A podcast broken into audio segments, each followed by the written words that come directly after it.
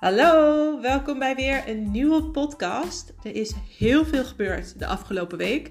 Zo ben ik onder andere deze podcast gestart. Ik wist natuurlijk nog helemaal niet waar dat naartoe zou gaan. Uh, of mensen het überhaupt zouden gaan luisteren. Maar inmiddels zijn de eerste afleveringen al bijna duizend keer geluisterd. Vind ik echt heel erg bijzonder en super leuk. Um, daarnaast is ook de website van mijn Tiny House online gegaan deze week. De Tiny House is een soort van uh, side project waar ik de afgelopen tijd mee bezig ben geweest. In podcast nummer 3 heb ik daar ook over verteld. En ook verteld over um, waarom ik eigenlijk dat Tiny House heb gekocht. En inmiddels staat dus de website online www.tinymetime.nl en kunnen mensen ook daadwerkelijk een plekje in mijn Tiny House huren. Of nou ja, een plekje huren. Je kunt daar gewoon vakantie gaan vieren. en uh, we hebben ook al wat huurders binnen. Dus er zijn al wat boekingen binnen. Vind ik ook heel erg gaaf. Kijk ontzettend naar uit om te ervaren hoe zoiets is en hoe dat allemaal werkt. Dus weer een heel nieuw avontuur. En uh, ja, in deze podcast wil ik het gaan hebben over ondernemen. Want naast mijn baan als SCH-arts ben ik ook ondernemer. En in deze podcast wil ik jullie gaan vertellen hoe dat zo is gekomen. Waarom ik het zo leuk vind om naast mijn toch best wel drukke baan als spoedeisende hulparts ook te ondernemen. En wat het mij daarnaast nog brengt.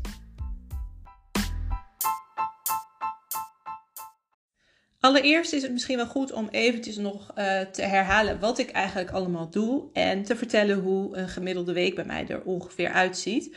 Al is het niet echt zo dat ik echt een gemiddelde week heb. Eigenlijk ziet elke week er toch wel wat anders uit, omdat ik wisselende diensten draai. Uh, maar aan de andere kant zit er toch ook alweer altijd wel een klein beetje aan voorspelbaarheid in. Um, Mocht je mij nog niet kennen, is het denk ik belangrijk om te weten dat ik verschillende dingen tegelijkertijd doe, maar dat dat allemaal hoort bij dezelfde functie. Ik ben namelijk spoedeisende hulparts, oftewel ik werk als uh, specialist op de spoedeisende hulp. En daarnaast ben ik wetenschapper. Ik doe veel wetenschappelijk onderzoek en dat is ook op de spoedeisende hulp. Dat hoort dus allemaal bij eigenlijk één baan die ik doe in loondienst. Op dit moment werk ik uh, de ene week drie en de andere week vier diensten in het ziekenhuis, waarvan er altijd dan één wetenschapsdag is per twee weken, waarin ik dus vooral aan de wetenschap werk. En die andere diensten werk ik op de werkvloer. Nou is het niet zo dat ik elke week dan drie diensten doe en andere week vier diensten. Soms is het ook de ene week vijf en dan weer een keer twee. Dus dat wisselt heel erg. En die diensten zijn ook altijd wisselend in qua uh, de tijden dat ik werk. Ik heb dagdiensten, ik heb avonddiensten en ik heb nachtdiensten. En daardoor is eigenlijk geen week echt hetzelfde, behalve de maandag. Uh, want op maandag ben ik eigenlijk standaard vrij. Tenzij ik dan een nachtdienst moet doen. Dan ben ik wel overdag vrij, maar dan werk ik natuurlijk s'nachts. Um, en daarnaast heb ik een eigen bedrijf. En met dat bedrijf uh, doe ik een heleboel dingen. Ben ik dus ook uh, op Instagram te vinden, at Make Work. Nou ja, dat is eigenlijk niet de Instagram-account van mijn bedrijf. Dus meer het Instagram-account van mij, waarbij ik ook af en toe wat bedrijfsdingen deel. Uh, maar met mijn bedrijf is de belangrijkste focuspunt dat ik uh, online reanimatiecursussen verkoop. En dit is allemaal begonnen in 2018. In 2018 ben ik namelijk dat Instagram-account gestart, Make Work. En dat ben ik gestart nadat ik een kopje koffie ging drinken met een vriendin. En uh, die vriendin en ik, we hadden van tevoren allebei hoofdpijn. Maar ik had uh, paracetamol ingenomen, twee tabletten. Uh, en mijn hoofdpijn was voorbij. En toen ik bij haar kwam op dat terras, toen bleek dat zij nog steeds hoofdpijn had. En toen vroeg ik aan haar, heb jij dan uh, geen paracetamol ingenomen of zo. Maar ja, dat had ze wel. En toen ik navroeg um, hoe dat al zat, hoeveel tabletten paracetamol zij dan had ingenomen, bleek dat zij maar één tablet paracetamol had ingenomen. En ik vroeg mij af van, hoe kan het nou, weet je dan niet wat de juiste dosering is uh, voor jou qua tabletten paracetamol? En het bleek dat zij dat niet wist. Zij wist niet dat zij eigenlijk ook gewoon twee tabletten paracetamol in moest nemen. En toen besefte ik me dat eigenlijk die kennis die ik had, dat je twee tabletten paracetamol inneemt uh, wanneer je mijn uh, lichaam, postuur en leeftijd hebt, Uh, en dat één waarschijnlijk niet voor jou zal gaan werken. Dat de kennis die ik had ervoor zorgde dat ik geen hoofdpijn meer, had. En dat zij die kennis kennelijk niet had. En daardoor nog steeds hoofdpijn had. Dus dat het verschil kon maken, die kennis, tussen wel en geen hoofdpijn. En toen ging ik bij de rest van mijn vrienden vragen van... Goh, hoe zit dat met jullie? Uh, weten jullie wat de juiste dosering is van paracetamol voor als je hoofdpijn hebt? En ongeveer de helft van mijn vrienden die wist de juiste dosering paracetamol voor hun lichaam niet. Uh, en dat zet me aan het denken. En ik dacht van, goh, als dit nou eens kennis is wat ik zou kunnen delen, dan kan het misschien voor een heleboel mensen zorgen dat ze geen hoofdpijn meer hebben. Terwijl uh, ja, als je die kennis niet hebt, je nog steeds dus hoofdpijn hebt. Dus toen dacht ik, ik ga een Instagram-account starten om medische kennis, die gewoon super handig is om te weten, te gaan delen. Dit uh, paracetamol weetje was ook mijn eerste weetje. En uiteindelijk is dat Instagram-account best wel heel snel gegroeid. Er kwam vervolgens ook een website bij, waar ik medische blogs ging plaatsen. En dat zorgde er eigenlijk voor dat ik mijn creativiteit heel lekker kwijt kon. En tegelijkertijd kennis kon delen die voor mensen nou ja, het verschil konden maken tussen wel of geen hoofdpijn hebben. Ondertussen werkte ik ook nog steeds natuurlijk op de spoedeisende hulp met heel veel plezier. En uh, daar was ik onder andere, of dat ben ik eigenlijk nog steeds, teamleider van het reanimatieteam. En op een gegeven moment werd daar een jonge patiënt binnengebracht um, van ergens in de 40. Die was neergevallen in de kroeg en die gereanimeerd moest worden. Maar niemand in die kroeg die wist op dat moment hoe die moest reanimeren. En dat betekende dat eigenlijk op het moment dat die patiënt uh, bij mij kwam, hij in die kroeg al een hele tijd, terwijl hij een hartstilstand had, niet gereanimeerd was. Hij was pas gereanimeerd toen de ambulance arriveerde. En dat was ongeveer nou, iets van vijf of zes minuten later. En dat klinkt best wel snel. Maar die eerste minuten die zijn echt cruciaal voor het overleven van een reanimatie. Of althans voor het goed overleven van een reanimatie.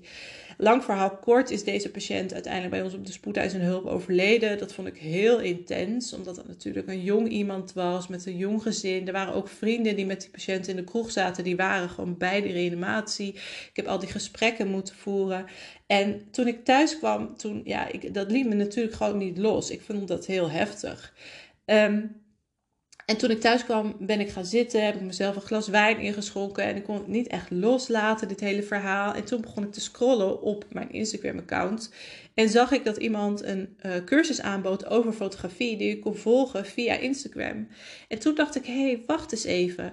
Als ik nou een cursus kan maken over reanimatie, die mensen kunnen volgen via Instagram, zou het dan niet zo zijn dat we daarmee veel meer mensen kunnen bereiken en dat ik deze kennis met veel meer mensen kan delen? Want ja, we hebben het eigenlijk allemaal veel te druk om ergens naartoe te gaan, om een reanimatiecursus te gaan volgen. Maar wel zit bijna iedereen, net zoals ik op dat moment, te scrollen op Instagram. En wat als je dat nou eens wat effectiever kan gaan inzetten? En natuurlijk was dat best wel spannend, want nog nooit had iemand een cursus gemaakt over reanimatie die ik kon volgen via Instagram. Ik wist natuurlijk ook niet of zoiets wel mocht, of dat wel kon, maar ik vond het eigenlijk zo'n goed idee. En ik dacht dat de waarde die het zou kunnen bieden zoveel groter was dan de kritiek die ik eventueel zou kunnen krijgen, dat ik maar gewoon ben begonnen. En om mezelf een schop onder de kont te geven, heb ik de cursus al uh, verkocht aan mensen voordat die überhaupt nog eh, bestond.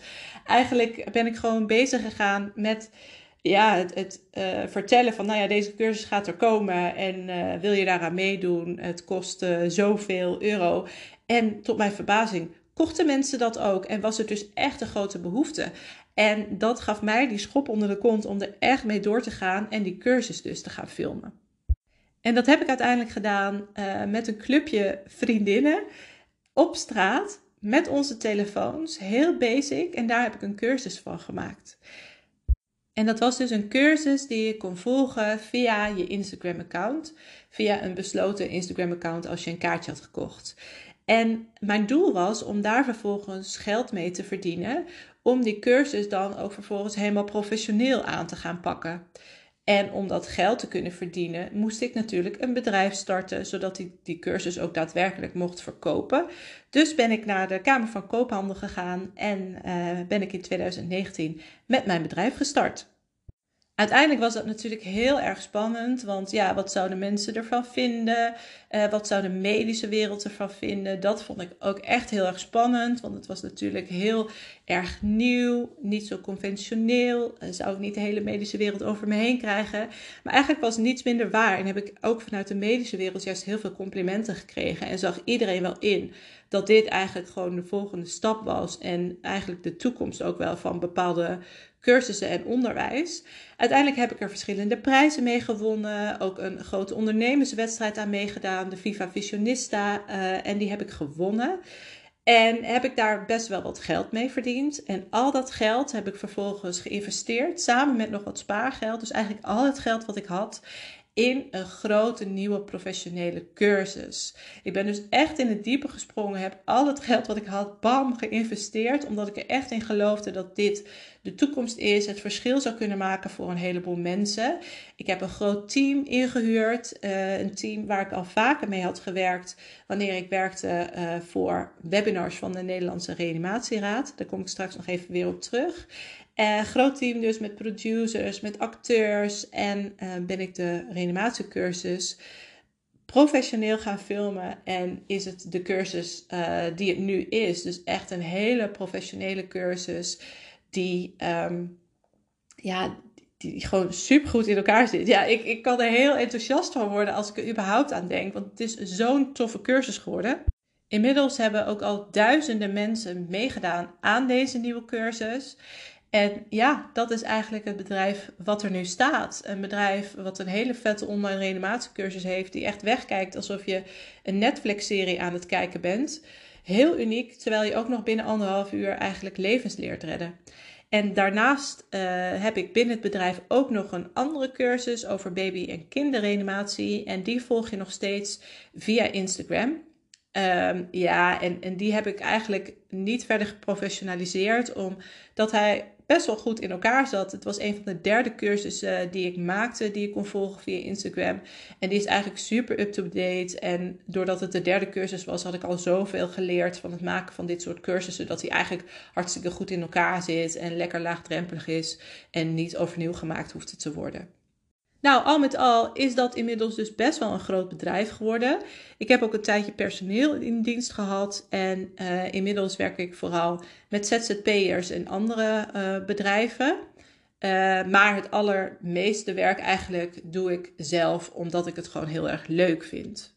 En de vraag die ik dan vaak gesteld krijg van mensen is: hoe doe je dat dan? Of eigenlijk zeggen mensen meestal zoiets als: hoe dan? en uh, daar ga ik het in de rest van de podcast over hebben. Want op zich uh, is het eigenlijk voor mij niet zo heel moeilijk om dit te combineren. En dat komt omdat ik me aan een aantal ja, soort van regels hou, die ik even met jullie ga doornemen. Um, en daarnaast wil ik, voordat we daaraan beginnen, nog even zeggen dat uh, mocht je dit nou ook willen, of doe je dit al, uh, het starten van een bedrijf naast je baan in loondienst, weet dan wel dat het belangrijk is om je werkgever daarvan op de hoogte uh, te stellen. Dat ben je zelfs verplicht wanneer je een bedrijf begint naast je baan in loondienst. Uh, en de werkgever die mag dat ook uh, weigeren. Die heeft daar een recht toe. Dus je moet ook bedenken, wat wil je dan als je werkgever dat weigert? Stop je dan met je bedrijf? Of ga je je bedrijf dan niet starten? Of stop je dan met je baan? Dus dat is wel iets om van tevoren even over na te denken. En ik zei het al, ik hou me soort van aan een aantal ja, regels, uh, dingen die ik doe in het bedrijf, waardoor het voor mij niet zozeer heel moeilijk is om naast mijn baan in loondienst te ondernemen. Het is natuurlijk ook niet zo dat het makkelijk is en het is zeker al niet passief. Er wordt wel eens uh, gezegd hè, dat het geven van online cursussen of um, nou ja, het verhuren van een tiny house, wat ik dus nu ook doe, dat dat passief inkomen is. Um, ja, eigenlijk is niets minder waar. En ik denk ook dat de definitie van passief inkomen, dat dat een beetje een, ja, een gekkige definitie is. Um, wat uh, wel zo is natuurlijk, is dat je zo'n cursus hoef je in principe maar één keer op te nemen. Dus wat dat betreft is de rest daarna passief. Maar het is niet zo dat je daarna er niets meer voor hoeft te doen. Want je hebt nog steeds bijvoorbeeld klantenservice, je hebt nog steeds marketing, je hebt nog steeds um, nou ja, van alles eromheen wat je gewoon moet regelen en waar je dus aan moet werken. Dus echt passief inkomen bestaat niet echt volgens mij. Uh, maar een deel daarvan kan zeker passief. En daar gaan we het ook over hebben in de regels die ik voor mezelf erop nahoud. Waar het op neerkomt, is dat ik ten eerste altijd uh, goed nadenk over hoe ik zaken efficiënt kan combineren. Daar kom ik zo meteen dus verder op terug. Als tweede uh, heb ik in de loop van de tijd echt gezorgd dat bepaalde processen die steeds terugkomen, dat ik die automatiseer. Wat heel belangrijk is om weer tijdwinst te halen. En als derde besteed ik slim uit. Oké, dat eerste gebod dus. Zaken efficiënt combineren. Doordat mijn werk als uh, spoedeisende hulparts onregelmatig is, ik werk dus dagen, avonden, nachten, soms in het weekend, soms door de week, heb ik ook altijd onregelmatig vrij. Behalve dus op de maandag, wat ik net al vertelde, want dan heb ik een vaste vrije dag. En dat is denk ik echt een tip voor als je onregelmatig werkt, überhaupt. Want het geeft toch iets van structuur. Dus als je zoiets zou kunnen krijgen, zou ik altijd doen. En voor mij betekent dat dus ook dat ik op maandag altijd wel wat bedrijfsdingen kan plannen. En uh, daarnaast heb ik ook een dag die ik voor de wetenschap gebruik, één dag in de twee weken. En die kan ik vaak ook wel wat schuiven. Dus soms schuif ik dit dus naar de maandag wanneer ik een afspraak met een klant. Want uh, ik heb niet alleen privé-klanten voor de reanimatiecursus, maar ik heb ook klanten die bedrijven hebben. Dus uh, hele bedrijven die mijn cursussen bijvoorbeeld voor hun hele personeel afnemen. Of zorgverzekeraars die mijn cursussen voor hun klanten afnemen. Um, als ik dus een afspraak heb met dat soort mensen of die bedrijven, dan zou ik dat dus ook op een maandag kunnen plannen of op een uh, wetenschapsdag, waarbij ik die wetenschapsdag dus weer verplaats naar de maandag. Dus ik heb wel hier en daar wat uh, schuifmogelijkheden in mijn agenda, wat natuurlijk best wel een luxe geeft wat dat betreft. Um, Daarnaast heb ik uh, ook mijn website en mijn Instagram-account. En daarvoor schrijf ik veel blogs over gezondheid. En uh, ook dat combineer ik wat dat betreft efficiënt en slim. Want die onderwerpen die komen meestal niet uit de lucht vallen. Het zijn onderwerpen waar ik me vanuit mijn baan als arts dus al veel mee bezig hou. En als ik dan toch bezig ben, dan kan ik er net zo goed een blog over schrijven. En dit efficiënt combineren of eigenlijk slim werken kost veel meer moeite dan wanneer ik totaal over iets helemaal nieuws een blog zou gaan schrijven. Een voorbeeld daarvan is bijvoorbeeld tijdens de coronaperiode. Toen moest ik natuurlijk heel veel weten van corona. Ik moest super up-to-date blijven over de laatste wetenschappelijke onderzoeken. Hetzelfde geldde ook voor vaccinaties. Ik moest gewoon weten echt welke onderzoeken zijn er gedaan. Wat weten we op dit moment en wat kunnen we daarmee? En dat kon ik natuurlijk heel makkelijk vertalen naar blogs, waardoor andere mensen daar ook weer wat aan hadden. En dat kostte mij uh, ja, relatief weinig moeite, omdat ik het toch al moest doen. Dus ik moest al die onderzoeken al lezen voor mijn werk. Uh, en dan was het uh, relatief een kleine moeite om daar alsnog gewoon een blog over te schrijven. En ook dat soort zaken probeer ik dan weer slim te combineren. Dus als ik een blog schrijf, dan maak ik daar vaak ook een post over voor Instagram, een post voor LinkedIn. Um, ook een van de podcasts, een van de eerdere podcasts hier, uh, was eerder bijvoorbeeld een blog. Dus ik kan me ook voorstellen dat dat in de toekomst ook weer andersom gaat werken. Dat ik van bepaalde podcasts ook weer blogs maak. Want sommige mensen die lezen nou eenmaal liever dan dat ze luisteren. En andersom. Sommige mensen zitten wel op LinkedIn, maar niet op Instagram. En ja, als iemand een keertje op Instagram uh, dezelfde post tegenkomt als op LinkedIn, dan vindt iemand dat echt niet erg. En die scrolt er dan volgens mij gewoon overheen. En op die manier kun je dan uit één onderwerp toch weer gewoon meerdere ja, contentstukken produceren.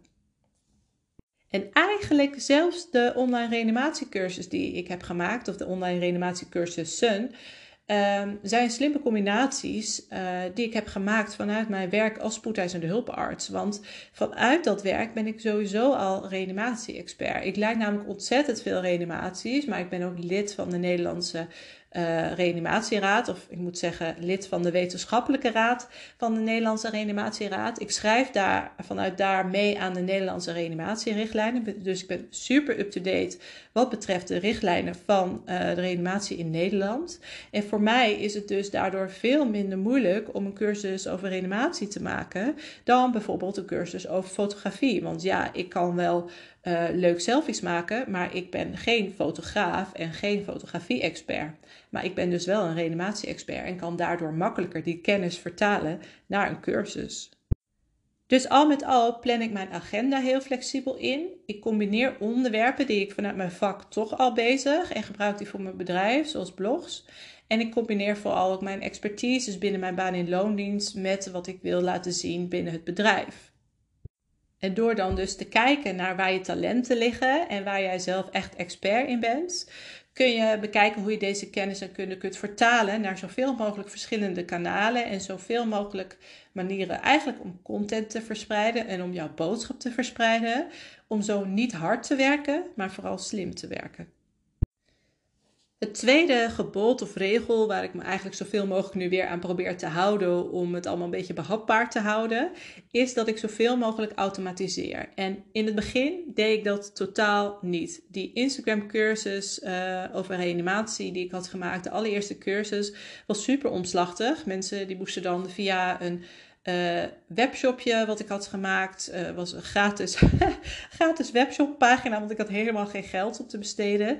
Um, uh, moesten ze daar een ticket kopen. Dat werd dan weer naar mijn mail gestuurd. Vervolgens moest ik dat verwerken zelf. Uh, dan moest ik hun zelf een mailtje sturen naar het Instagram-account waar zij dan toegang toe konden krijgen. En dan moest ik dan ook weer allemaal handmatig doen. Dus dat was hartstikke omslachtig, helemaal niet handig.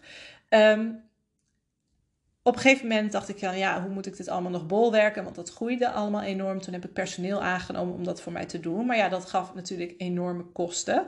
Want uh, ja, personeel kost gewoon heel veel geld.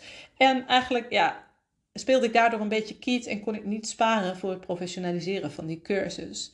Uiteindelijk heb ik daarom eerst geïnvesteerd in automatische systemen. En nu werkt het allemaal vlekkeloos. Nu koop je op een website koop je de cursus, je kan direct betalen, je krijgt ook direct een mailtje met je toegangscodes. Uh, Follow-up mails worden ook direct geregeld, want uh, mensen die bij mij een online cursus doen, die krijgen tenminste een jaar lang toegang. En die krijgen na een tijdje, een aantal maanden, krijgen ze nog weer eens even een mailtje van, joh, hey, uh, misschien is het handig om de cursus nog een keer te herhalen, want je hebt nog steeds toegang. En we weten dat herhaling ervoor zorgt dat dingen gewoon makkelijker in je hoofd blijven hangen en dat je de kennis echt goed opneemt. Uh, en dat wordt allemaal automatisch geregeld en daar hoef ik dus niet meer over na te denken. En dat scheelt mij enorm veel werk. Zoveel werk dus uh, scheelt het me dat ik daardoor eigenlijk geen personeel meer nodig had. Uh, en op dat moment kwam het heel goed uit, want ik had een fantastisch persoon in dienst, Hester, echt een topper paste heel goed bij mijn bedrijf, deed heel goed werk. Maar eigenlijk wilde zij zelf ook graag haar eigen bedrijf starten. En op dat moment, toen ik alles geautomatiseerd had, had ik haar eigenlijk niet meer zo hard nodig. En kon zij haar eigen bedrijf starten. Zij heeft nu ook haar eigen bedrijf gestart. Bouwwork heet haar bedrijf. En zij ondersteunt nu andere ondernemers. En ik uh, ja, huur haar nu ook regelmatig nog in als ZZP'er voor bepaalde klussen in mijn bedrijf. Maar zij is niet meer mijn vaste personeelslid. En dat heeft denk ik ons allebei uh, enorm ja, goed gedaan, wou ik zeggen. Dat klinkt bijna alsof we elkaar niet meer kunnen luchten of zien. Maar dat is helemaal niet zo. We mogen elkaar heel erg graag. Maar het is denk ik voor onze beide bedrijven heel erg goed geweest, laat ik het zo zeggen. Zaken die regelmatig terugkomen, automatiseren, levert je uiteindelijk dus heel veel op. Ook al kost het waarschijnlijk in het begin best wel wat geld om al die automatiseringstools aan te schaffen. Um, maar bij mij heeft het zich in ieder geval wel weer terugbetaald. Um, als laatste gebod is uh, iets waar ik me echt aan probeer te houden om slim uit te besteden. Uh, wat ik al zei, personeel, Hester dus, heb ik dus inmiddels niet meer in dienst. Maar ik besteed nog wel dingen uit aan andere bedrijven en ZZP'ers. Waaronder dus ook af en toe aan Hester, die eerst voor mij werkte. En voordat ik het hier verder over wil gaan hebben, is het denk ik belangrijk om nog even aan te stippen dat uh, het bedrijf wat ik nu heb staan en alle dingen die ik heb gedaan dat is er natuurlijk niet allemaal vanaf moment één geweest. Het lijkt nu best wel veel, uh, maar het is echt stapje voor stapje gegaan. En um, het komt allemaal ook doordat ik de vorige stappen eigenlijk heb doorlopen. Het is nu 2023, nu ik deze podcast opneem. Ik ben in 2019 dit bedrijf gestart. En het is echt niet allemaal in één keer gekomen. En het stond er dus echt niet allemaal zoals het er nu staat. Um, en eigenlijk is uh, er steeds gewoon iets bijgekomen, maar pas wanneer hetgene wat ik daarvoor deed werkte en zo goed mogelijk geautomatiseerd was. En daarnaast, we gaan het nu hebben over uitbesteden, is het denk ik ook goed om te beseffen dat ik alles in mijn bedrijf eerst zelf heb gedaan voordat ik het eventueel heb uitbesteed. Uh, en dat heeft heel veel voordelen, want doordat ik alles ook zelf kan, kan ik veel beter communiceren met de mensen aan wie ik het uitbesteed, omdat ik weet wat mogelijk is en ook hoe ik het zou willen. Dus je spreekt daardoor eigenlijk dezelfde taal en kunt daardoor ook veel beter mensen vinden om het aan uit te besteden, doordat je bijna kan toetsen of zij er wel genoeg kennis van hebben of niet, omdat je zelf die kennis ook hebt. En wat bedoel ik dan met slim uitbesteden? Nou, ik besteed alleen dingen uit die mij heel veel tijd kosten of die ik niet leuk vind. En de dingen die mij wel heel veel tijd kosten, maar die ik wel heel erg leuk vind, die besteed ik alsnog niet uit, omdat ik die gewoon dus heel erg leuk vind om te doen. Dus kijk vooral naar wat maakt je blij of wat kost je heel veel tijd en maakt je uh, wat minder blij. Want dat laatste, dat zijn de dingen die slim zijn om uit te besteden. Maar zoals ik net al zei, ik vind dus eigenlijk wel dat je die dingen wel eerst zelf ook moet hebben gedaan. Op dit moment heb ik uh, vooral bijvoorbeeld mijn administratie uitbesteed, dus mijn belastingen. Maar ik heb dat eerst wel zelf gedaan. Ik weet dus wel hoe het moet. En ik hou ook zelf ook mijn administratie bij. Iets minder strikt dan uh, dat mijn belastingadviseur dat doet. Maar ik hou het wel bij, want ik moet wel mijn cijfers weten als bedrijfseigenaar. Ik moet wel tussendoor ook kunnen kijken hoe gaat het nou eigenlijk met mijn bedrijf en niet aan het eind van het jaar voor verrassingen komen te staan. Aan het eind van het jaar heb ik ook altijd een gesprek met mijn belastingadviseur om de cijfers dan te bespreken en te kijken van nou, hoe is het nou eigenlijk gegaan. Um, en uitbesteden, slim uitbesteden, betekent dus wat mij betreft niet dat je er totaal niet meer mee bezig bent, maar vooral dat je de tijdslast niet meer draagt. En wat brengt het mij dan allemaal, uh, dit ondernemen? Nou, als het goed is, heb je al wel tijdens deze podcast uh, het enthousiasme in mijn stem gehoord, want ik vind het ondernemen gewoon echt heel erg leuk. Het ondernemen is voor mij eigenlijk gewoon spelen. Juist door te ondernemen, naast mijn baan in loondienst, heb ik de ruimte en natuurlijk ook de financiële ruimte om te kunnen spelen in mijn onderneming. En dat spelen miste ik best wel in mijn baan in loondienst, want ik kan natuurlijk moeilijk spelen wanneer het om mensenlevens gaat op de spoedeisende hulp. Maar dat spelen kan ik dus wel in mijn bedrijf. En uh, ik leer ook heel erg veel van het ondernemen. Ik leer als het ware een heel nieuw vak, dat vak van het ondernemen. Uh, en dat maakt mij over het algemeen gezien veel creatiever. En daardoor groei ik als persoon en kan ik mezelf extra uitdagen, zowel in het ondernemerschap als daarbuiten. En hoewel het misschien nog steeds lijkt alsof ik mega veel doe, zeg ik nog steeds vaker nee dan ja. Want ik doe namelijk nog iets wat veel belangrijker is dan werken: gewoon leven. En daar moet genoeg tijd voor overblijven.